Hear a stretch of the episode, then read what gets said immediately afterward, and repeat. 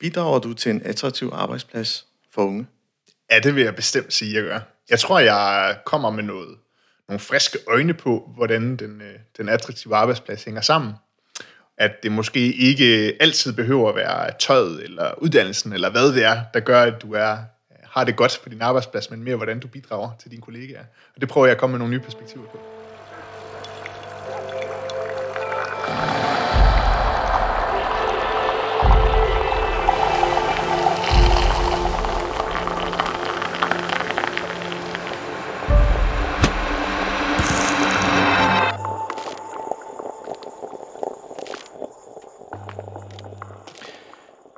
Velkommen til podcastprogrammet Kaffe og Ledelse. Mit navn er Ejhan Gomes, stifter af Mindcloud og vil være jeres podcastvært. Cirka 30% af alle ansatte i detailbranchen er unge under 25 år. De unge er ofte deltidsansatte og arbejder på skæve tider, da mange uddanner sig ved siden af. Ja, det skriver Arbejdstilsynet. En del unge arbejder i kortere perioder på fuld tid i detailbranchen, f.eks. mellem uddannelser – mange af disse unge oplever sig ikke stærkt tilknyttet til deres arbejdsplads og har ikke et mål om at blive i branchen. Men de udfører stort set de samme opgaver som de fastansatte. Som tidligere leder i et jobcenter ved jeg, at der altid har været et stort efterspørgsel på unge til detailbranchen. Faktisk har jeg også oplevet, at der har været dage, hvor enkelte butikker måtte lukke på grund af manglende hænder. I dagens afsnit taler vi om et presserende behov, der kalder på et ledelsesmæssigt initiativ. Det handler om at identificere behovet for arbejdskraft og handle hen imod målgruppen for at fastholde og tiltrække gode medarbejdere. Den unge generation stiller flere krav end blot at bidrage med sin arbejdskraft, være en del af et ungt miljø og tjene lidt ved siden af sin uddannelse. I dag kommer vi ind på, på et bud hvorfor det også er vigtigt at kigge lidt mere dybdegående på begrebet mening. Min gæst har været bidragende til at skabe en aktivisme inden for bæredygtighed, og derved deres bud på at skabe en meningsfuld hverdag for unge. Det styrker også dannelse og fællesskab, såsom skabelse af et ungeråd. Min gæst er Tobias Simonsen, der er ungeminister for Coop Danmark. Ungeministeren har ansvaret for trivselen for 25.000 unge ansatte i Coop mellem 15 og 25 år. Tobias har tidligere været butikschef i Fitness World og nuværende forperson for KFUM Spejderne i Danmark. Velkommen til, Tobias. Tak for det, Ejhan. Jeg elsker det her med at lige have den her introtekst, og i dag, der, der hakkede jeg mig igennem. Mm. du må gøre et eller andet ved mig. Ja, det kan være. yes, men uh, velkommen til Stævns, og vi starter jo altid lige med at have sådan en, en runde til, med kaffen og stedet osv. Og, og du har jo haft en lidt frisk køretur herned. Ja, det må man sige. Det, det, er, dejligt. det er dejligt. Altså, udsigten herned er jo helt vanvittigt dejlig at, ja. at følge undervejs. Ja. Jamen, det er skønt. Altså, øh, du skal prøve om sommeren. Der, ja. der sker et eller andet. Kunne jeg forestille Ja, og vi sidder jo inde i sådan et, et nu ret lukket stue, øh, og holder lige omverdenen væk, øh, hvor jeg lige har gislet dig her den næste times tid, øh, hvor vi netop skal tale om det her med at være unge minister. Men inden vi sådan rigtig gør det, så skal vi lige have øh, en snak om vores kaffe, fordi den har jeg jo, jeg har budt dig på sådan en, det der hedder en daily roast, ja. øh, kolumbiansk øh, kaffe med en lille smule robusta, øh, hvis du er kaffekender, det ved jeg ikke. Det øh, lyder meget fancy, det du siger nu. det er en identitet, jeg skaber ja, mig ja. Ja, ja, lige præcis. Jeg lyder meget fed, ikke? Lige læser på pakken der, men det siger vi ikke til lytterne. Ja, ja, ja det, det, har jeg trods alt husket. Nå, skal vi ikke, øhm, skal vi ikke tage en... Jo, lad os det. Øh, ja, lad os gøre det.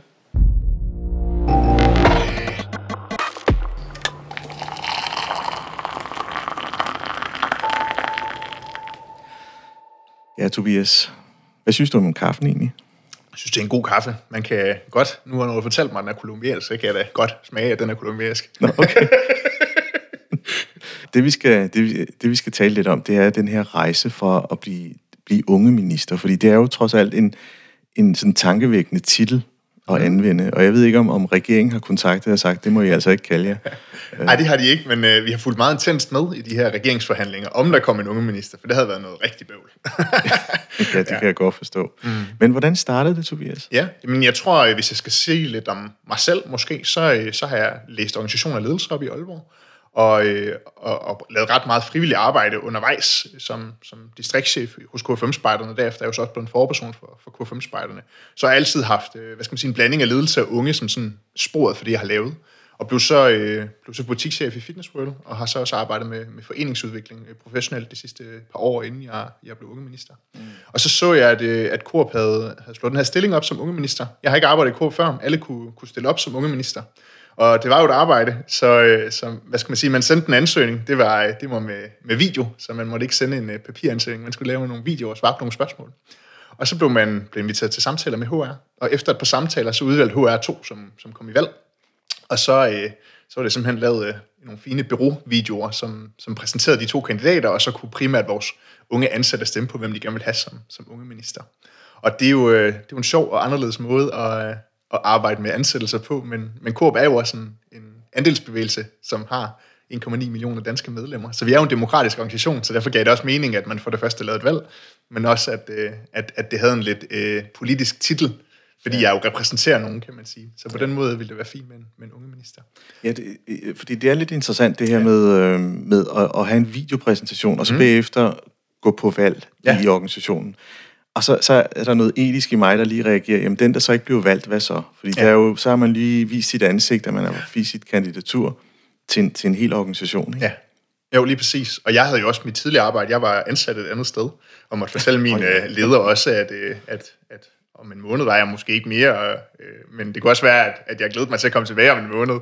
Så, så på den måde var det jo en lidt sjov, øh, sjov hvad skal man sige, situation at være i, men, men det er jo ikke anderledes end en folketingsvalg og alt muligt andet, at, at der, er, der er dem, som, som bliver valgt, og så er der dem, som skal finde noget andet at lave. Ja. Men, øh, men at alle skal have et skulderklap for at stille sig til rådighed. Ja. Og, og hvis man sådan kigger på selve stillingen, mm. det her med, at det skal skabe en form for aktivisme, ja det ord, det, det kan altså også knyttes til noget, som måske er mindre heldigt. Ja. Øhm. Ja, det er. Jeg synes faktisk, at aktivisme øh, er unødvendigt negativt lavet på en eller anden måde, fordi det, det, det handler jo på en eller anden måde om at skabe nogle bevægelser, og, øh, og man må sige, at, at vi er blevet meget bevidste som samfund om, at samfundet bevæger sig, og øh, vi kan enten prøve at modstå de bevægelser, eller acceptere, at de sker, og så prøve at være med dem, kan man sige. Ja. Og hvordan, hvordan udformer så sådan den her stilling som minister? Ja. Altså, hvordan kommer man, kommer man tæt på de unge? Du, du nævnte det her med, at du ja. rejser en del og, ja, og lytter lidt podcast undervejs, øhm, og så har du den her til gode. Ja, ja det har jeg nemlig. Det vil jeg glæde mig til at, at høre mere om. Ja. Jamen, jeg har primært to opgaver. Den ene, det er, at vores 25.000 øh, unge, som er ansatte allerede, dem skal sørge for at have en fed hverdag, hvor de føler sig anerkendt, de har de redskaber, de skal bruge, og at de også oplever, at der er nogle attraktive karriereveje i den, kan man sige. Ja. Så det er den ene opgave. Og den anden opgave, det er jo det her med at sikre, at Coop også i fremtiden er en attraktiv arbejdsplads. Ja. Og der er jo, øh, hvis jeg skal prøve at dykke lidt ned i det her med, øh, med også at være attraktiv arbejdsplads i fremtiden, så er der jo nogle øh, mekanismer omkring uddannelsesvalg og andet, som, som taler mod at arbejde i, i Coop. Og det, øh, det hænger jo lidt sammen med, at vi har, øh, vi har opfostret nogle generationer med, at, at nogle øh, stillinger er bedre end andre. Og på den måde, selvom en ung måske synes, at øh, det kunne være korp, det kunne også være et andet fag, det er sådan set øh, korp som eksempel her, så kunne man måske som ung opleve, at man egentlig gerne ville noget, men, men at man ikke oplever, at det er, øh, øh, bliver anset som ambitiøst nok. Så på den måde, det her med, at jeg kan være med til at være en stemme for nogle unge, som ikke tidligere har haft en stemme, er, er ret stærkt i forhold til, at jeg kan være med til at nuancere, at, at når jeg har nogle unge, der går hjem til deres forældre og siger, øh, jeg kunne godt tænke mig at være i liv, og at, at forældrene så siger, jamen det er ikke øh, ambitiøst nok, du skal finde noget andet at lave. At, at vi skal tale mere om, hvor forkert det er, at, at vi har ambitioner på hinandens vegne, i stedet for at bakke hinanden op i de valg, vi gerne vil have. Mm. Så det er ret, øh, det, er, det, det er en rigtig fed mulighed for at være talerør for, for unge, som ikke tidligere har haft en, en mulighed for at have en, en rolle der, kan man sige. Og så er der jo alt det her omkring øh, de ansatte, vi har allerede. Jamen, vi har øh, jo fået et ungeråd, ja. og det, øh, det er jo måske noget af det vigtigste i det her, hvad skal man sige, øh, øh, arbejde, jeg har mig. Fordi jeg skal ikke være endnu en voksen, der mener noget på vegne af unge. Jeg skal jo sørge for, at det er vores unge, der, der mener noget selv. Mm. Så vi har sørget for at få et ungeråd, hvor alle mellem 15 og 25 cirka, de har kunne, øh, kunne stille op til vores ungeråd. Og de kommer fra 11 forskellige butikker, og jeg var meget glad for at se, hvor de kom fra, fordi at, øh, at det er sådan set fra hele landet. Jeg var lidt bange for, at der måske ville være nogle klynger, eller ja. nogle gode venner fra samme butik, eller et eller andet. Ikke? Men vi har alt fra Lykstør til Børkop til Svendborg, og vi har i Vis, så det er rigtig godt, det er rigtig godt dækket. Og Ungerådet er jo et, er jo et spejl, så, så de skal fortælle mig, hvad, hvad sandheden er. Og det har, jeg, det har jeg forberedt dem rigtig godt på, at jeg leder ikke efter nogle svar, det er ikke en eksamenssituation. Men det, de siger, det er sandheden. Og så er min største opgave at sikre, at det bliver ført ud i livet, uanset om det vigtigste for dem i verden, det er, at, øh, at øh, arbejdstøjet det bliver ændret, eller om det handler om, at, at lønnen ikke er høj nok. Mm. Så, så skal jeg lytte til det, de siger. Jamen, det er jo sådan to, kan man sige, ret klassiske temaer. Mm. Øh, hvor jeg sådan, hvis jeg nu sådan drager det over til, til min egen kontekst, det jeg har været vant til, i en ja. kommunal kontekst, der havde vi også et ungeråd. Mm. Og det har været omkring politiske sager, der nu skulle besluttes og som, som hvor ungerådet ligesom prøvede at repræsentere den unge stemme i den.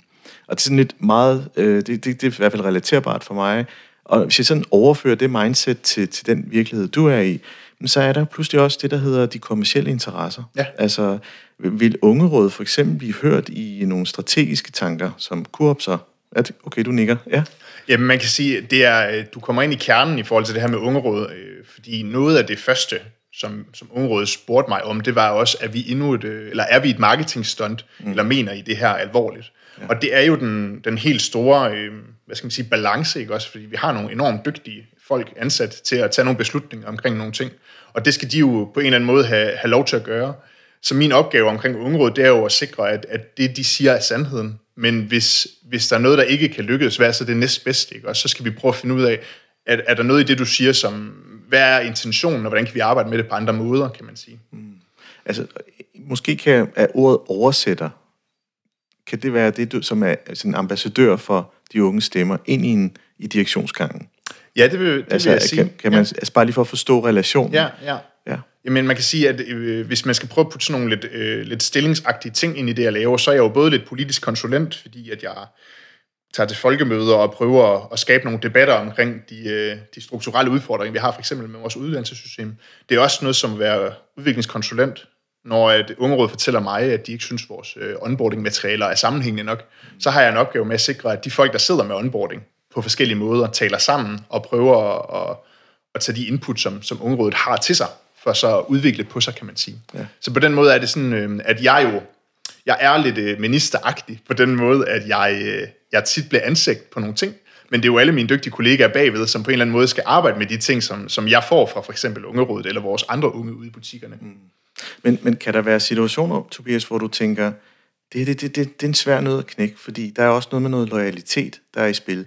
Øh, hvor, hvor, hvor meget kan du vriste dig fri for, for, for, hvad den her lojale partisoldat, hvis man må sige det på den måde. Ja. Øh, fordi det er jo trods alt en virksomhed, ja. og i bundlinjen, der skal man også kunne mærke, at øh, der sker en forandring, at, at det, de unge ønsker at blive, at de ønsker at fastholdes. Øh, jeg udfordrer dig lidt på den her, det er også ja. fordi, det der kan være svært, altså hvor, hvor, hvor mærker du det henne? Men øh, jeg, jeg oplever faktisk, og det er jo, øh, det kan være, det er lidt naivt, kan man sige, men jeg oplever, at der er en rigtig stor øh, vilje til at forstå, vores unge medarbejdere, fordi man godt kan se, at når vi har 25.000 ud af vores 40.000 medarbejdere er mellem 15 og 25 år, så bliver vi nødt til at lytte til dem.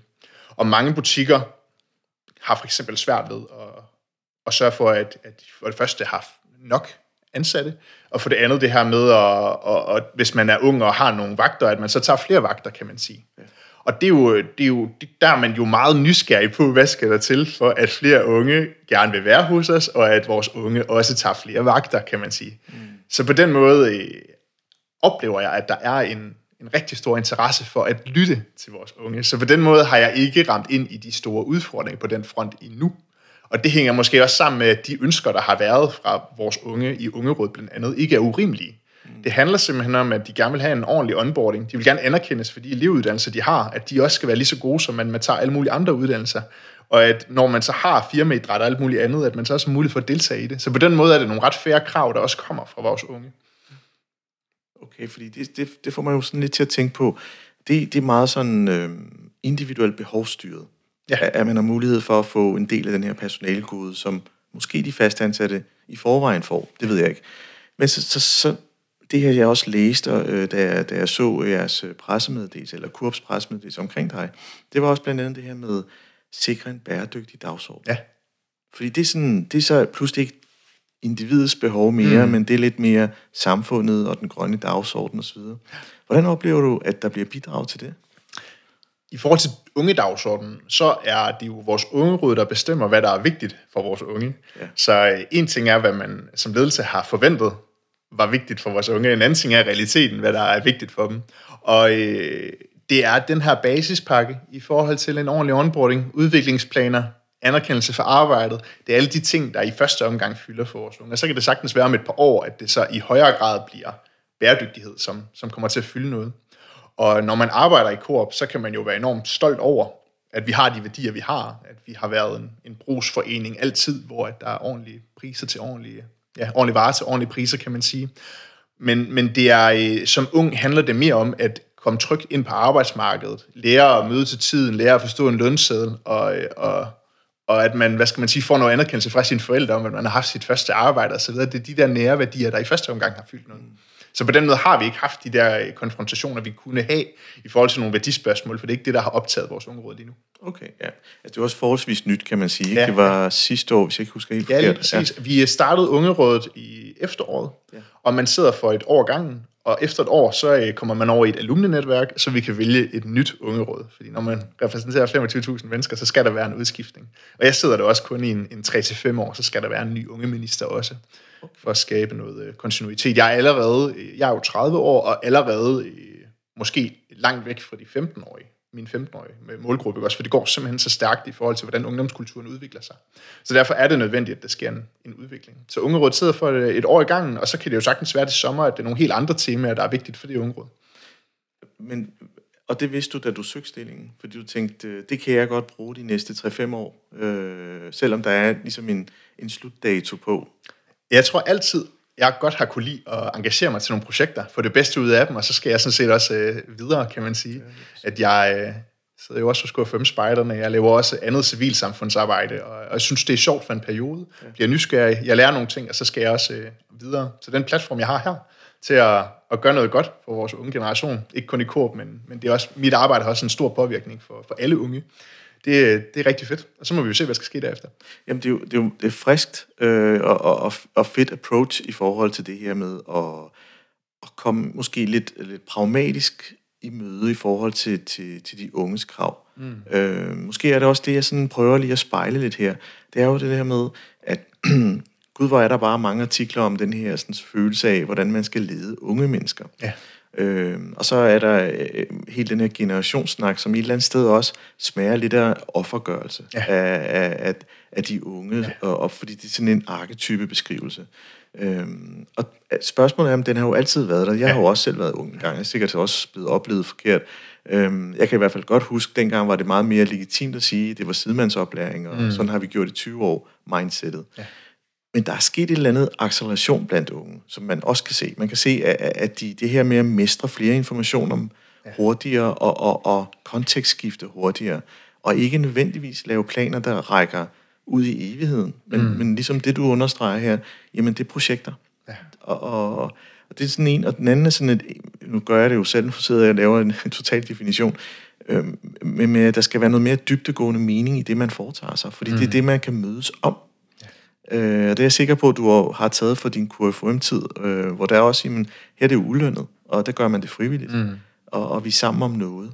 Øh, og, og det er egentlig det, jeg sådan, prøver lige at undersøge, om der, hvordan kan man oversætte ja.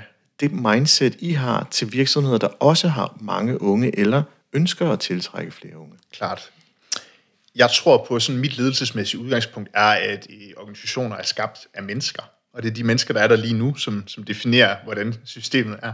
Så det kan være, at øh, medarbejderstaben i dag synes, at det er vigtigt, at man kan få jordbæris ned i kantinen. Og så kan det være om et år, at det er vigtigt, at øh, logoet får en ny farve. Men det, det, der optager menneskerne, der definerer organisationen i det givende øjeblik, det er dem, vi skal lytte til, kan man sige. Mm. Så, så det, øh, derfor giver det ret god mening, og, øh, og, og altså, som leder kan det være svært, når man sidder begravet i budgetter og prioriteringer og alt muligt andet, så kan det være svært også lige at skulle rumme, at det kunne være fedt, hvis der var jordbeis nede i kantinen.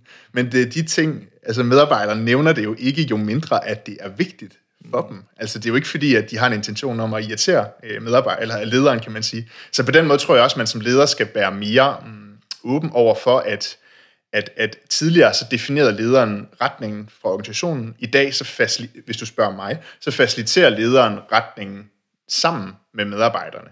At man i stedet for at være, hvad skal man sige, den der peger, så er man mere den, der faciliterer, hvad retningen er. Ja. Noget af det, du spørger, du, du spørger ind til det her med, med generationer og så videre, jeg ved ikke, hvornår det er sket, eller om det blot er noget, jeg er blevet opmærksom på, men, men jeg har en oplevelse af, at vi øh, øh bliver dårligere og dårligere til at tale sammen på tværs af generationer. Og, og det er blandt andet den her, når man snakker med voksne, så er det blandt andet den her telefon, der, der er et stort problem. At den generation, vi har lige nu, er den første generation, der er digitalt indfødte. Vi kan, ikke, øh, vi kan ikke vide, hvordan det er, for det har vi ikke prøvet. Det er kun den generation, der er lige nu, som har prøvet det. Så det bedste, vi kan gøre, og bedste, man altid kan gøre, det er at være nysgerrig på det, man ikke forstår, i stedet for at sætte grænser. For jeg oplever nogle gange, at, at, at voksne overfor øh, blandt andet mine unge kollegaer, øh, de, de er hurtige til at sige, hvor er det fjollet, du sidder med den telefon. Men det kan jo være, at de skriver en note, eller lige skal svare en besked, eller et eller andet. Og det er en del af den nuværende ungdomskultur, at man gør det. Så der kan man måske med fordel prøve at være lidt mere nysgerrig på, hvad er det, der foregår på telefonen, i stedet for at definere, hvad man tror, der foregår på telefonen. Ja. Og på samme måde, så skal vi også have lært vores unge mennesker, hvad de kan bruge voksne til der er jo kommet en stor bølge omkring, at øh, man gerne vil strikke og så videre igen. Kunne man måske blive lidt bedre til at, at strikke sammen på tværs af generationer igen? Og nogle af de her ting er, er noget af det, jeg øh, har stort fokus på i øjeblikket, for vi har jo mange af vores butikker, hvor der øh, kan være mange unge og få voksne, eller mange voksne og få unge. Og når du sidder som den, der er minoriteten i, i den sammenhæng, så kan du godt føle dig ensom på arbejdspladsen, hvis du ikke har nogen, du føler, at du, øh, du har noget til fælles med i frokoststuen. Og det er virkelig noget, vi øh, som en arbejdsplads, der, der på den måde har nogle, nogle, nogle store poler, ikke? også om man er ung eller voksen, det er virkelig noget, vi skal have kigget ind i. Kan man, øh, kan man altså, bruge personaleforeningerne mere aktivt? Skal vi, øh, hvad skal man sige, lave nogle øh, kurser? Øh, kan vi gøre noget andet for, for at skabe større forståelse på tværs af generationerne? Fordi det, øh, det er noget af det helt essentielle for, at, at der kommer mere fremtidig balance øh, i, i medarbejderstaben. Ja, der skal være plads til de unge, og de skal kunne bruge de voksne mere. Og så tænker jeg, at hvis lederen ikke skaber det legitime rum, mm. hvordan skal den unge så kunne komme forbi lederen og, og ytre sin mening i, kan man sige, til dig eller til, til, det, til, til et unge råd. Ja. Fordi så bliver det pludselig den, så bliver det sådan en, en enkelt leder, der, der, der, der ikke forstår omstillingen. Mm. Så der må også være en eller anden form for en opgradering af ledelseskundskaber, netop det her med, du er ikke den, der skal styre, du skal være facilitatoren. Ja. Absolut. Jamen, og vi har jo lige under 1000 butikker, så øh, der er helt sikkert de butikker, hvor det går rigtig godt, og så er det de butikker, hvor at det, at det ikke fungerer særlig godt, kan man sige. Og der er nogle ledere, som, som jeg oplever nogle gange kan negligere hele den her sådan, relationsarbejde til medarbejderne til de her personaleudviklingssamtaler. Men hvis du kun holder dem en gang om året, for eksempel, så, øh, så, så får du ikke nogen medarbejdere til at, at åbne sig op. Det kræver hårdt arbejde at skabe gode relationer til folk omkring dig, og det skal ske løbende, for at du så også kan skabe nogle trygge rum, hvor folk har lyst til at, til at, at åbne sig. Og det er jo også, øh, jeg tror at tidligere har man haft en frygt måske, øh, for at øh, hvis man var for næsten for langt fremme, at man så øh, blev afskedet eller andet, og det er ikke nødvendigvis kun i kor, men jeg tror i sådan arbejdsmarkedet i det hele taget, hvor, hvor der, der skal man som leder være bedre til at rumme i dag, at, at vi skal dele, hvad vi føler og tænker, jeg har også et, øh, et, et andet eksempel fra, en, fra en, en partner, jeg snakkede med, og de oplever, at, at deres unge, altså ikke i Coop, men en anden partner, har oplevet, at, at deres unge, hvad skal man sige, i højere grad øh, får angst, når de er på arbejde. Og der er jo øh, igen, så kan man enten vælge at sige, det er forkert, det skal man ikke, og ellers så kan man være nysgerrig at sige, hvad er det, der gør det, og hvordan kan vi som arbejdsplads øh, håndtere det. Fordi når vi, når vi som, når unge kommunikerer mere, for eksempel omkring stress i dag, eller angst, så handler det jo om, at vi er blevet hvad skal man sige, bedre til at åbne os op og dele vores øh, tanker og følelser, man har været tidligere. Så det kan virke øh, overgivet eller voldsomt, at det sker, men jeg tror, øh, at der skal man være dygtig til at, til at omstille sig. Og så spørger du, om, om vi så skal opgradere vores ledelse. Jeg tror helt sikkert, at vi skal have skabt nogle værktøjer, hvor man kan få den hjælp, man gerne vil. Fordi det kan være så forskelligt, når man har næsten 1000 butikker, hvordan man gerne vil lave ledelse. Så min rolle er heller ikke at, øh, at udrulle særlige koncepter, som alle skal tage til sig, fordi det, det er ikke god ledelse for mig. God ledelse er, at man øh, som leder udøver den ledelsesstil, man tror på. Og øh, hvis det så ikke fungerer med vedkommende, i en gruppe, så skal man jo prøve at have en anden leder der i stedet for, kan man sige. Mm. Ja. Altså, og grund til, at jeg nævner det, det er jo også, at, at i min tid, hvor, hvor jeg også har hjulpet unge, som havde det svært i livet, mm. som netop ikke har været i stand til at starte på en uddannelse, ja. Er faldet fra, hvor vi har arbejdet med det her med, nu prøver vi at skabe noget modenhed via noget arbejdsmarked. Simpelthen for at, at få identiteten frem, og du kan godt øh, praktiske opgaver, i stedet for at sidde stille ja. i, i et klasselokale. Øh, det er også et brødet landskab. Altså, vi ja. styrkede jo samarbejdet med de ledere, der forstod det her med at tage det individuelle hensyn. Ja. I, I sådan en grad nogle steder, hvor man tænker, hold op, altså, de, de rummer meget. Ja. Øhm, og det er jo dem, vi har styrket samarbejde med. Ja. Så er der selvfølgelig dem, der, der er meget bevidste omkring den her transaktion. Altså, du er her fem timer, jeg forventer, du skal udføre så meget. Mm. Hvis jeg ikke kan se det, så får du heller ikke min opmærksomhed, mindsetet. Ja øh, som er en meget klassisk gammeldags måde at tænke på. Ja. Hvilket også bidrager til, til kulturen på den arbejdsplads, at, at andre ser den reaktion og siger, at det er ikke en leder, jeg har lyst til at, at samarbejde med. Mm. Og, og, og, og, det, det er jo sådan, og det er jo ikke fordi, jeg vil prøve at, og, kan man sige, demonisere den leder, men det er måske også noget at gøre med, at de måske ikke har åbnet synsfeltet op for, at den, den rummer potentialer, og ikke barriere nødvendigvis. Mm hvordan får man det fra, fra den her ryst, nu skal vi gøre, ja. til noget, der er operationelt, ja. så man kan se forandring? Hvordan, hvordan laver man den transformation? Jeg tror, man som leder skal se indad, først og fremmest. Når jeg er ude og, og tale med vores ledere, eller observere osv., så, så, øhm, så, så har vi mange, som er gode købmænd, og så har vi mange, der er gode personaleledere. Og det er ikke altid de samme, som er begge dele. Nogle er gode til begge dele, men der er også nogen, der der har brug for nogle andre for at kunne lykkes med den ene del, man måske ikke har. Og på samme måde, så øh, hvis man som leder for eksempel er en god købmand, så skal man måske sørge for at være, være bedre til at uddelegere hele den her personale del til andre i butikken. Er der en, øh, en ung, som forstår bedre de yngste, som, som måske øh, vil være bedre til at koordinere dem, eller er der en, øh, hvis du er en god personaleleder, er der sådan en anden i, i butikken, som er helt vildt god til salg og til, til driften af en butik, som måske kan team op med i stedet for. Så, så jeg tror, hvis man sådan skal kigge på ledelsesperspektivet i det her, så handler det om, at man skal være lidt mindre, hvad skal man sige, mm, øh, heldig omkring sine opgaver men være mere klar til at, at se på, hvad er det egentlig, jeg kan løse, og hvad vil andre kunne løse bedre, og hvordan lykkes vi sammen som gruppe med de ting, vi gerne vil. Nogle gange, når unge, oplever jeg også, øh, der er nogle eksempler om, at så er der en, der kommer og spørger, kan jeg ikke få lov til at være den, der laver den der øh, plan for, hvem der skal sidde i kassen, eller kan jeg ikke få lov til at lave sociale medier osv.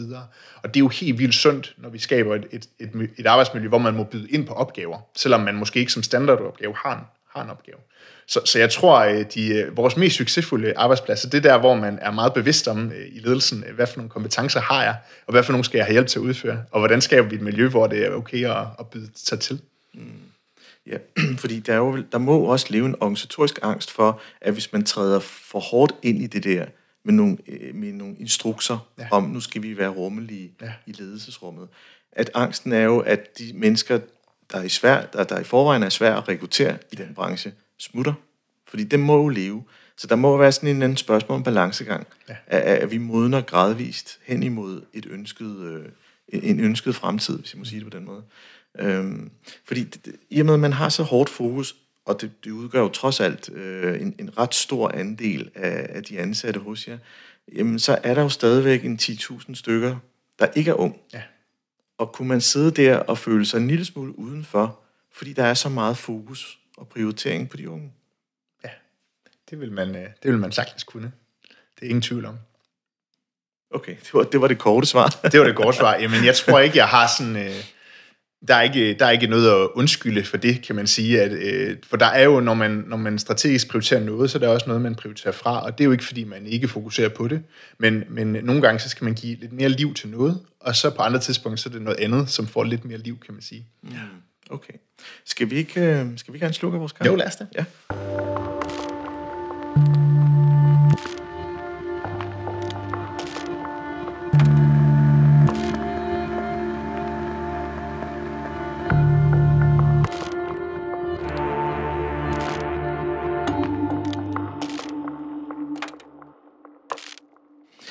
Håber, den stadigvæk smager godt, den gode kaffe. Ja. og du er ved at nå i bund, øh, ja. og vi får ikke tid til at, at, at, at løfte op, fordi så smutter du. Så smutter jeg. skal bare lige holde fast i dig, når ja, du er det. Ja. Tobias, du siger en hel masse fede ting, mm. øh, og de, de falder bare på, på de rigtige hylder hos mig. Øh, også fordi jeg også har arbejdet... Var det lige en uh, sjov uh, analogi i forhold til butikker, eller med hylderne der? Nej, faktisk ikke, men nu når du siger det på den måde. Fedt. Ja, de rigtige hylder. Ja. Øhm, men det, det gør det, fordi ja. jeg selv har arbejdet med unge, mm. og jeg selv har arbejdet med, med det her med, at, at, at de har så forfærdeligt mange kompetencer, men nogle gange er det den der med at kunne omsætte det. Mm. Øh, og og, og der er ikke, det er ikke kun med, med eget mod, det er lige så meget det rum, man er i, og de, de rammer, der bliver skabt omkring den unge. Så, så på den måde er det jo, det er jo rigtig rart, og det varmer i hjertet. Og, og skal man sige, da jeg er også i gang med sådan at undersøge, jamen, hvad kan faldgrupperne være i det her? Fordi, øh, hvor, hvor, hvor, kan det, hvor kan man slå sig som organisation i alt det her? Mm. Men først og fremmest så tænker jeg lige sådan, bare lige for at rammesætte det lidt. Du nævnte det her med uddannelser. Ja. Øhm, og der nævnte at, at hvordan kan vi få den dagsorden om, at, at nogle uddannelser ikke skal nødvendigvis øh, have en, en højere social status end andre. Mm. Hvilket også har været et tema i samfundet omkring erhvervsskoler og gymnasier for den sags skyld. Og der spiller forældrene en ret stor afgørende rolle, som jeg tror også, du nævnte her. Men så, så tænkte jeg, jamen, handler det kun om uddannelser, der er rettighed i forhold til den virksomhed, du er i, eller er det i det hele taget? Ja, klart. Og inden, øh, inden jeg lige tager øh, unge perspektiv på den, så har jeg lyst til lige at tage fat i den her med, øh, om vi er ved at skabe en arketype for den rigtige ledelse ude i butikkerne. Og det, øh, det er vi ikke. Man kan sige, der er jo en, øh, igen hele tiden en bevægelse i samfundet, hvordan tingene fungerer, og, og den øh, lederen, som er dygtig til at, at forstå de tendenser, øh, lykkedes også med det.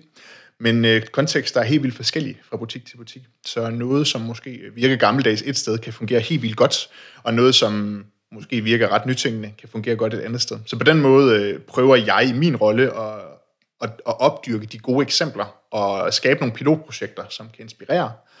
Og så er det op til den enkelte leder, hvad de kan bruge af det i forhold til at styrke deres egen ledelse. Ja. Når vi så kommer til hele uddannelsesdelen omkring øh, vores unge, så er vi jo en af de mest attraktive steder for unge at starte på arbejdspladsen. Og øh, man må faktisk gerne arbejde fra, man er 13 år, det er ikke, hvad skal man sige, alle, der gør det. Der har været en, øh, især hos os, der har tidligere været en tolkning af arbejdsmiljølovgivningen om, at man skulle være 15, før man må starte. Og det er jo fordi, at, at når du går i folkeskole, så er det nogle ret restriktive regler i forhold til, hvad man må løse af, af opgaver to timer om ugen, ikke, hvis du ikke har gennemført 9. klasse. Lige nøjagtigt, ja. ja. Og du må, gerne, du må gerne stå i, i kiosken, du må ikke sidde ved kassen, du må heller ikke stå i kiosken, hvis det er øh, øh fysisk udfordring, eller hvad hedder sådan noget, psykisk udfordring og så videre. Så der er sådan nogle meget øh, svære regler. Det vi ser, det er, at det er de 13-14-årige, der er absolut mest øh, motiveret for at få et arbejde. Og derfor er en af mine arbejdsopgaver i øjeblikket også at prøve at, at kigge på, hvordan vi gør det muligt, at man som 13-14-årig kan få et arbejde, hvis man gerne vil. Mm. Fordi hvis man er kørt godt ind i tingene, som 13-14-årig, 15-årig, så har man også mere overskud som 16-17-årig. Og her ellers øh, som ung rigtig meget at se til. Sociale medier, venner, lektier, øh, fritidsaktiviteter, der er rigtig meget at, at, at rumme. Så hvis du skal også rumme og blive øh, onboardet til et nyt arbejde der, så kan, det, så kan du godt fremstå træt eller doven på dit arbejdsplads. Så jo tidligere vi får lov til at få dem ind, hvor de er motiveret, jo, jo bedre rammer giver det også, også for at give dem en god oplevelse første gang, de er på, på arbejdsmarkedet. Så det er noget af det, vi, øh, vi kigger ind i i øjeblikket. Og der er jo igen det her med, at det er så alle butikker, der gør det. Nej, det er stadigvæk de fleste, der, der venter til de i hvert fald er 15 år, før de, før de tager dem ind. Og det er jo også det her med, hvad, hvad, hvad har en ung kapacitet til, ikke også? Og øh, hvis de kun må arbejde to timer om dagen, øh, giver det så nok værdi til os. En af de ting, jeg ser de steder, hvor man investerer i at få de yngste med ind på arbejdspladsen, give dem en god øh, onboarding, prioritere, at der er plads til dem i, i vagtplanen osv., det er, at du har nogle loyale unge, som også fortsætter i længere tid de steder, hvor at, øh, at du så måske prioriterer, at du har nogle hvad skal man sige, voksne eller andet, der arbejder, og færre unge, der fungerer det jo også rigtig fint. Så det er igen, øh, konteksten er ret, øh, hvad skal man sige, forskellig. Ja. Ja, jamen, det var det i forhold til det med uddannelse. Ja. Ikke?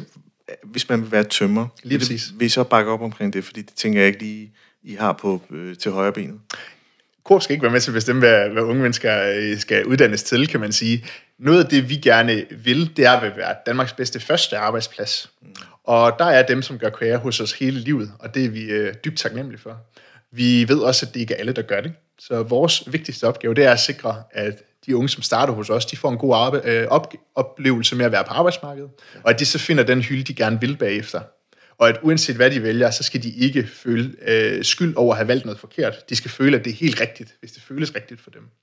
Så når jeg snakker om det her med starter med 13-14 år, så handler det om, at, at vi skaber egentlig selv en pipeline for at at vise unge, at, at, at vi godt kan være et sted, man gør karriere, at man ikke nødvendigvis bare er et sted, man, øh, man arbejder som studiejob, kan man sige. Mm. Og når du så er en 16, 17, 18 år, så begynder du at skal finde ud af, hvad du så skal lave af uddannelse. Der kan du for eksempel tage en elevuddannelse hos os, hvilket øh, vi jo rigtig gerne vil, man gør. Og øh, der kommer vi så tilbage til det her med, at, at ungerådet ikke altid oplever, at de øh, bliver anerkendt på samme fod. Jeg øh, har jo været butikschef i Fitness World, og øh, har en akademisk baggrund. Og jeg havde flere, både venner og familie, som undrede sig en lille smule over, at, øh, at jeg skulle bruge en akademisk baggrund til at arbejde i butik. Og det i sig selv var øh, virkelig ikke særlig rar oplevelse, fordi jeg skulle hele tiden retfærdiggøre, hvorfor at det var okay, at jeg var glad for at arbejde et sted. Og jeg har også en, en kollega i øjeblikket, som har en akademisk baggrund, og som egentlig ikke tænkte, at det var øh, noget, at vedkommende skulle i butik igen og arbejde, fordi at, at den kobling havde hun ikke oplevet på, på studiet kunne laves. Mm. Så det her med, at vi i lidt højere grad bakker op om hinandens valg i forhold til at sige, hvis du gerne vil læse noget akademisk, så skal du gøre det, og hvad du kan bruge den til, det skal du selv bestemme.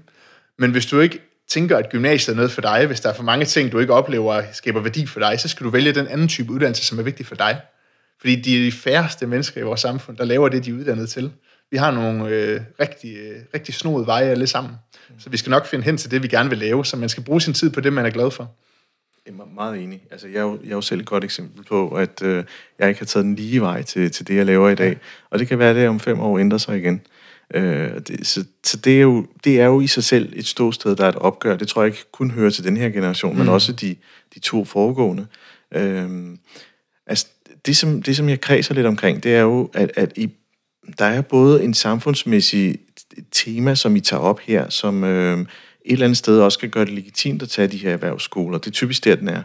Omvendt så oplever jeg jo også, at når der kommer unge, der er færdiggjort, om de er akademikere eller har taget en kompetencegivende uddannelse, øh, at de kommer ind på en arbejdsplads, hvor de så også skal føle sig hørt. Og det kan, det kan nødvendigvis godt være, at det ikke er stadig på nuværende tidspunkt ikke den største gruppe, men de er der, og, og, og i de supervisioner, jeg har med ledere, der, der er det oftest et, et, et tema, som, som skaber, kan man sige, frustrationer. Ja.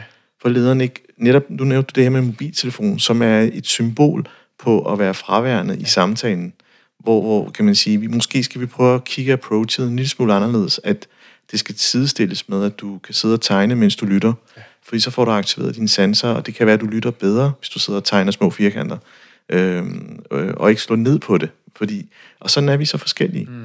Og jeg tror måske, at, at temaet ikke nødvendigvis er unge som sådan, men det der med, at vores organisationer er skruet sammen på en måde, der kun øh, er fortaler for tænkeren, måske ikke den intuitive, eller føleren, eller den sanselige. Øh, og i og med, at, at du har haft, kan man sige, sanserne på fuld tryk som KFUM-spejder, så tager du noget viden med, det der med, hænder kan noget. Det kan også godt løse komplekse problemstillinger. Ja. Fordi pludselig midt i under den her seance, øh, så bum, så måske skulle vi løse det på den her måde. Så man ikke er i det der logiske sind hele tiden. Mm. Øhm, og, og hvis jeg skal sådan spore den her abstrakthed ned til et eller andet, du, du kigger på mig, ikke? Øh, det er, at, at, at der må der sidde nogen i den organisation, som er fra den gamle skole, sidder på en toppost og siger, puha, er det virkelig det, I gerne vil have? Ja. Og så kan de gå sådan noget og, og arbejde med den usikkerhed, der også lever. Mm. Øhm, er det noget, du mærker? Jeg mærker, øh, og det kan jeg sige på en ærlig, jeg mærker kun opbakning for vores ledelse i forhold til det initiativ, vi har. Men du tager fat i nogle forskellige spændende ting her.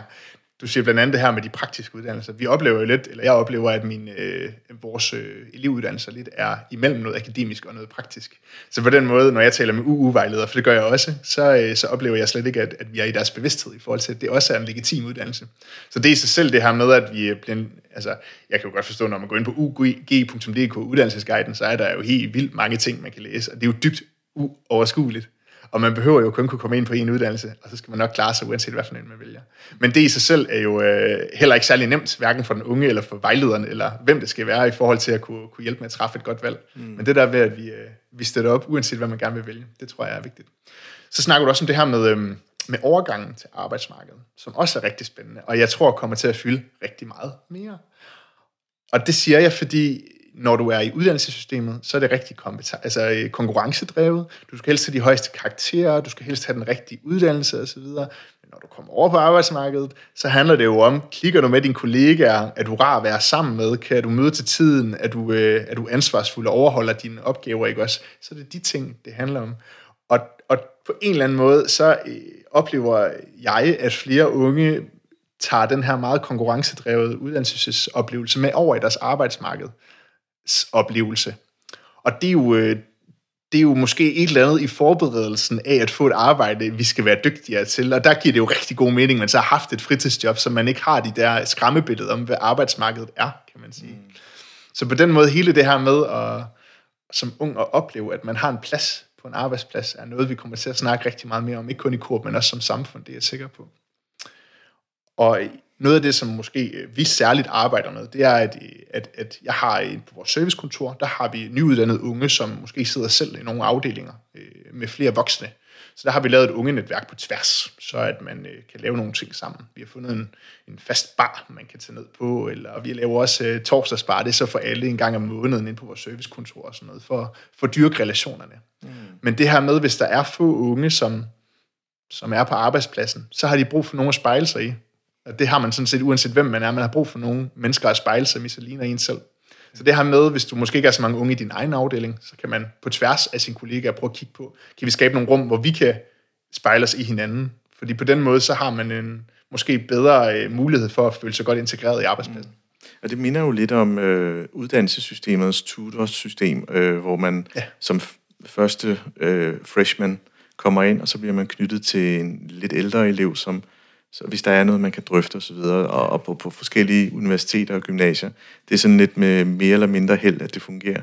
Så det er jo lidt et mindset, og så er det et elevråd, som kunne være et ungeråd i jeres tilfælde. Ikke? Så det er jo egentlig ret interessant at se, at den struktur lever sig ind i, uh, mm. en organisation, der faktisk er til for at, ja, at drive en virksomhed. Mm. Øh, fordi det, det, det der med at erkende, at der er et behov, opstår jo fordi, at behovet om at ansætte har været så skrigende højt i så mange år, at der er nogen, der har tænkt, at vi bliver nødt til at gøre noget radikalt anderledes, og ikke stå ved de gamle dogmer. Mm. Altså, det er jo lige præcis den, som, hvis man så skal arbejde, øh, når man lytter til det her program og sige, okay, det inspirerer mig, hvordan kan vi overføre det en til en til os, for eksempel? Ja. Hvor, hvor kunne man starte, Tobias? Ja. Jamen, et godt eksempel, det er igen, lyt til de ting, der kommer. I Coop, der var der fra forskellige afdelinger et ønske om at have en bar. Om det så var en fredagsbar eller torsdagsbar, eller hvad det var. Det var der et ønske om. Og det kunne man vælge at blive ved med at sige, det er ikke råd til, eller det skal vi ikke. Eller man kunne vælge at sige, det er fint, så skal I selv styre det, agtigt. Men så skal vi nok støtte op om det. Og uanset hvad for en vej man vælger, men det der med igen at anerkende, hvad behovet for sin ansatte er, og ikke altid kigge i, hvad der er vigtigt for dig selv som leder, er noget, man skal tage mere seriøst som, som leder. Ja. Ja, fordi, det er et rigtig godt sted at starte. Jamen, ja, fordi, øh, og, og lederen vil jo stå i sin situation og sige, jeg har en drift, jeg skal passe. Jeg har en kalender eller en tidsplan, der måske ikke lige går op i første hug, så man er i driftmode, man er i det lukkede system. Og, og for at skulle lave den her transformation til at lave noget anderledes, som på sigt kan føre til noget bedre, mm. så skal man jo stoppe op og investere mere tid, faktisk, når man ikke har det. Det, det må jo være det, der er kildesalen et eller andet sted. Øhm, fordi man bliver nødt til at forstå hele det univers, man skal forstå strukturen, man skal forstå, hvilke forventninger der er til lederen i forhold til ja. øh, den her mentaliseringsevne, altså hvordan skal jeg ændre mit ledelsesrum, men et eller andet sted, bund og grund, så, så starter det vel en eller anden form for selverkendelse. Det gør det nemlig, og der er vi tilbage igen til det her med, hvad har jeg mulighed for som leder, hvad har jeg af, af, af båndbredde, ikke også? Har jeg, har jeg tid til at gøre det her, eller er der nogle af mine ansatte, jeg skal kigge mod? Og det kan godt være, at vedkommende sidder og planlægger indkøb, eller laver IT, eller det er sådan set underordnet, hvad opgaven er. Ja. Men hvis vedkommende er et godt samlingspunkt for nogle sociale aktiviteter, så er det oplagt, at vedkommende så bliver input til at, at tage del i at planlægge en bar, for eksempel. Ja. Så på den måde, det her med, at vi, vi bliver en lille smule måske mere sårbare som ledere, at, at anerkende over for os selv, at okay, vi kan ikke nå det hele, men, men vi behøver heller ikke vælge alt fra. Der er måske også en mellemvej, der hedder, er der nogen af mine kollegaer eller ansatte, som, som kan være med til at løse nogle af de her opgaver, der måske ikke traditionelt er en del af deres arbejde. Ja. Fordi den fremtidige arbejdsplads, hvis du spørger mig, der bliver selve jobbet mindre vigtigt, og så bliver alt det omkring jobbet, det der betyder noget. Hvad er fleksibiliteten? Øh, er der, øh, kan jeg arbejde hjemme? Altså alle de her, er der en god bar? Alle de ting, der er med til at, at gøre arbejdspladsen til et ret sted at være, kommer til at betyde noget. Det og det behøver man ikke kunne løse selv som leder, men det kan man løbe som, løse som kollegastab i det hele taget. Ja, og det, det, det er jo forudsætningerne ja. og rammerne for, at man så måske er i sit bedste jeg, og derved kan løse en opgave med det bedste, man kan. Mm. Øh, hvis man begynder at pille ting dernede, der, der, der, der lægger bånd for os, øh, det man, man kan udtrykke sig selv, jamen, så er det jo faktorer, som har en betydning i forhold til, hvis man skal facilitere noget, problemløsning er noget komplekst, og, og, og der ikke rigtig kommer noget input. Det her rum lever ikke. Mm. Og dynamikkerne spiller ikke, og der er mere rivalisering, end der er i forhold til opgaven, og så måske også en følelse af skam, om man er dygtig nok. Og det er jo det, er jo det, det rum, som mange taler om, psykologisk tryghed, blandt andet er en af de store ord. Øhm, så jeg er meget enig i, at det er den vej, det går, øh, hvor, hvor procesledelse er meget mere væsentligt end, end resultatledelse. Mm. Øh, og så kan man så sige, jamen, hvis ikke vi har resultater, så er det jo lige meget. Jo, jo, men, men du får bare bedre resultater, hvis du bliver i det svære noget længere tid. Ja. Øh, tag lige en runde mere, selvom det er angstprovokerende. Ja, øhm, og det, det er jo det, som, kan man sige, det er derfor, jeg hele tiden går tilbage til lederen af det legitime. Mm. Og i og med, at, at jeg godt lide, når du siger, at, at når vi pusher ud til vores organisation i hele Danmark, så, så skal vi ikke komme sådan en, to, treer. Mm. Fordi der er stor forskel, også lokalt. Nu, nu ved jeg, at du, jeg tænker, du kommer fra Nordjylland, det kan jeg næsten høre. Ja, jeg kommer fra Nordjylland. Det er godt høre. så, ja. så, så, så altså, livet der ja. er formodentlig anderledes, end det er her på Sjælland, og måske inde i København er det noget helt andet, og ordenes referencepunkter er forskellige. Så, så det er jo også det der med, at, at når man pusher noget ud, at, at, at øhm, det kan ikke lande samme, altså på samme måde alle steder. Ja, absolut. Ja. Og, og en ting er, øh, hvordan vi øh, rummer at arbejde med trivsel og de her ting i, i fredstid, og en anden ting er, når man, når man, når man arbejder med det i krisetid. Ikke også? Ja. Og, øh, og det er jo ikke nogen øh, hemmelighed, at, at de her energikriser og sådan nogle ting er rigtig hårdt ved, ved detailbranchen. Så på den måde er der jo også de her, øh, altså de her poler, er det okay, at øh, at holde bar, når at det går skidt, kan man sige. Mm. Og det er jo det her med, hvis du ikke, når du snakker om psykologisk tryghed, hvis du ikke er glad for at gå på arbejde, og har en god hverdag, uanset hvordan det så går for virksomheden, men så øh, kan det jo føre til øh, stress og mistrivsel og sygemeldinger og alt muligt andet. Så på den måde er, er det jo en investering hele tiden at have for øje, hvad gør vores medarbejdere glade for at gå på arbejde, er det sækkestolen, er det den gode kaffe, eller er det barn, eller hvad er det, der gør det? Fordi hvis de er glade for at kunne arbejde, så er det nemmere at overskue, når hverdagen også øh, er svær for virksomheden. Mm. Hvis man hele tiden har fokus på, at det er driften, og det er resultaterne, så kan det være hårdt at, at kunne arbejde som menneske, også hvis man ikke oplever, at der er plads til, til dig som menneske. Jamen, helt, helt klart. Altså, kultur har en enorm stor betydning. Ja. Særligt, når man skal omforme strategier til handling. Absolut. Og hvis man ikke lige tager et, et spadestik ned i den, der hedder kultur, så det, det er jo sådan en broet størrelse, og man tænker, man har den, og man tænker, man har landet den, men det gør man ikke. Den lever hver dag, og er forskellig fra dag til dag. Helt sikkert. Tobias, vi skal til at runde lidt af. Jeg, jeg, hvis jeg må sådan sætte lidt spot på dig, ja. sådan helt isoleret set. Sådan, altså når du, når du står op om morgenen og sådan ja. noget, skal, åh, nu skal du ud, og yes, nu gør jeg det her, ikke? Mm. og komme rundt i landet og så videre. Hvor, hvor kan du føle, at det bliver sådan tungt for dig? Altså, fordi hele det, vi har talt om, det har bare været lyksalige, positive ja, historier, ja. Og, og, og ja, det er jeg super glad for ja. at høre. Og jeg tænker, ah, okay, det kan også blive sådan lidt glansbilledagtigt. Ja. Altså, hvor fanden er det? Kan man ikke slå sig den gang? Ja, men jeg har lyst til at starte med at sige, noget af det, der fungerer rigtig godt med at have mig, det er både min profil, som har et rigtig godt mix af, af forståelse for organisationsudvikling og for kommunikation. At det er en rigtig god blanding. Men det handler også om, at når du, når du som så stor en organisation øh, sætter ansigt på en indsats, så er det nemmere at, øh, at rumme, hvad det handler om. Så, så jeg får jo jeg får både ansøgninger fra 14 13-årige unge mennesker, som gerne vil have et arbejde, de skriver til mig for eksempel. Eller hvis man har set noget i fjernsynet omkring øh, det ene eller det andet, så kan det også være, at de tager fat i mig. Og det, øh, det har man måske ikke øh, som ung haft, øh, den har spejlet sig i tidligere.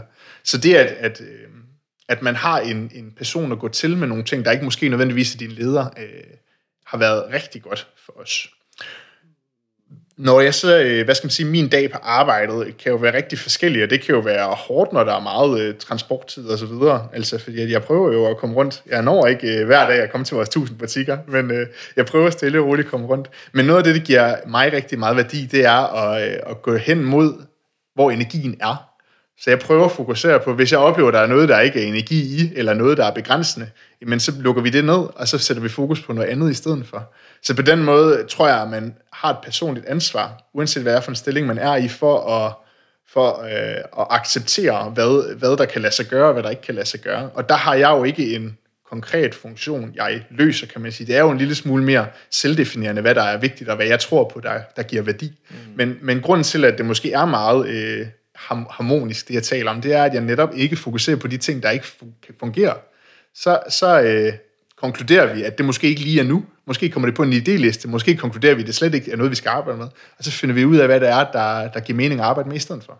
Jamen, jeg er allerede glad. Det er så dejligt at høre. Ordet energi, det er sådan en ting, jeg også selv arbejder med. Ja. Særligt når man er jo netværksledelse. Ja. Er det jo vigtigt lige at sige, er, der, er det her er bytteforholdet afstemt? Ja. Får vi begge to ud af det her møde, som vi egentlig havde forestillet os? Fordi hvis den er på den ene basis, og den anden sidder der, jamen så er bytteforholdet ikke afstemt, og det vil blive utrolig svært, og så lever energien heller ikke. Mm. Så det er egentlig meget fedt. Øh, omvendt vil sige, det, det, altså, for mig fremstår du også som sådan, okay, jeg vil også gerne se det ske, og, og, og når man skal ud og besøge så mange ja. butikker, så tænker jeg, at det må være ekstremt svært at, at ikke se forandringerne hver dag. Altså, men man er lidt meta, og man er på, på budbringeren, og, og i mindre grad i det pragmatiske, hvis man kan sige det på den måde. Ja, det er rigtigt. Jeg tror også, øh, de folk, der kender mig, vil sige, at, at jeg har øh, udviklet mig rigtig meget på det punkt. For jeg tror, for 10 år siden, der, der var jeg mere utålmodig, end jeg er i dag. Men nu har jeg jo også ledelseserfaring, både fra, fra KFM-spejderne, men også ved at sidde i det lag, jeg sidder i Coop, ikke også? Og ved, at når du arbejder med så store organisationer, KFM-spejderne har jo også 27.000 medlemmer, 400 spejdergrupper, så det er jo heller ikke noget, man bare lige dag til dag lige fikser øh, hverdagen for så mange spejdere, vel for mange medlemmer. Så processer tager tid, og øh, nogle dage, så, øh, så har vi måske øh, noget imod med nogle ting, og andre dage, så, øh, så er der nogle ting i proces. Og jeg tror igen, det handler om, om mindset. Og det er noget, der man også skal tillære sig, hvis man øh, godt kan lide, at der sker mange ting. At så kan det være, at en succes er, at du har fået skrevet en artikel. Det kan også være, at en succes er, at du har fået en kontakt til en butik, som du skal bruge senere. Så på den måde har du også igen et, et ansvar for at være med til at definere, at, at, at du lykkedes i din stilling. Så du kan vælge at sætte nogle helt vildt urealistiske mål, at du skal nå, for eksempel mig, at jeg skal nå 700 butikker i den her måned så vil jeg ikke blive glad om en måned, for så nåede jeg ikke målet. Men hvis jeg i stedet for sætter mig nogle mål om, at, øh, at jeg skal deltage på nogle folkemøder, eller om jeg skal udvikle et godt onboarding-materiale, så giver jeg mig selv nogle realistiske muligheder for at lykkes. Ja. Ja, og der kommer pragmatikken ind. Ja. Så man ikke er idealiseret i, øh, i troen om, at øh, netop det her med, jeg kan ikke nå alle tusind butikker på en dag, hvis ikke et år. Altså, det er ja. jo det, det er med mange butikker. Ja, det er det øh, og inklusive transporttiden osv. Og, og jeg synes, jeg synes, at du giver sådan et, et super frisk pust ind, og, og et sprog også, øh, Tobias, som, som kan godt kan savnes lidt i, i, i det her ledelseslag, som, som øh, man, kan, man kan blive inspireret af. Altså det her med, læg de realistiske planer. Lad være med at tro, at du kan løse hvis det, er en, hvis det er en leder inden for velfærdsområdet. Altså, det er jo typisk der, hvor hænderne er for få, opgaverne er for store, komplekse osv. Ikke? Og det der med at gå hen der, hvor energien og forandringen er størst. Øh, og så arbejde med realistiske målsætninger, for så går du heller ikke super ked af det, dagen, altså, når dagen er om. Ikke? Jo. Så lige præcis. Men Tobias, tusind tak for en fed samtale. Tak fordi jeg måtte komme forbi, Arhan. Ja, selvfølgelig.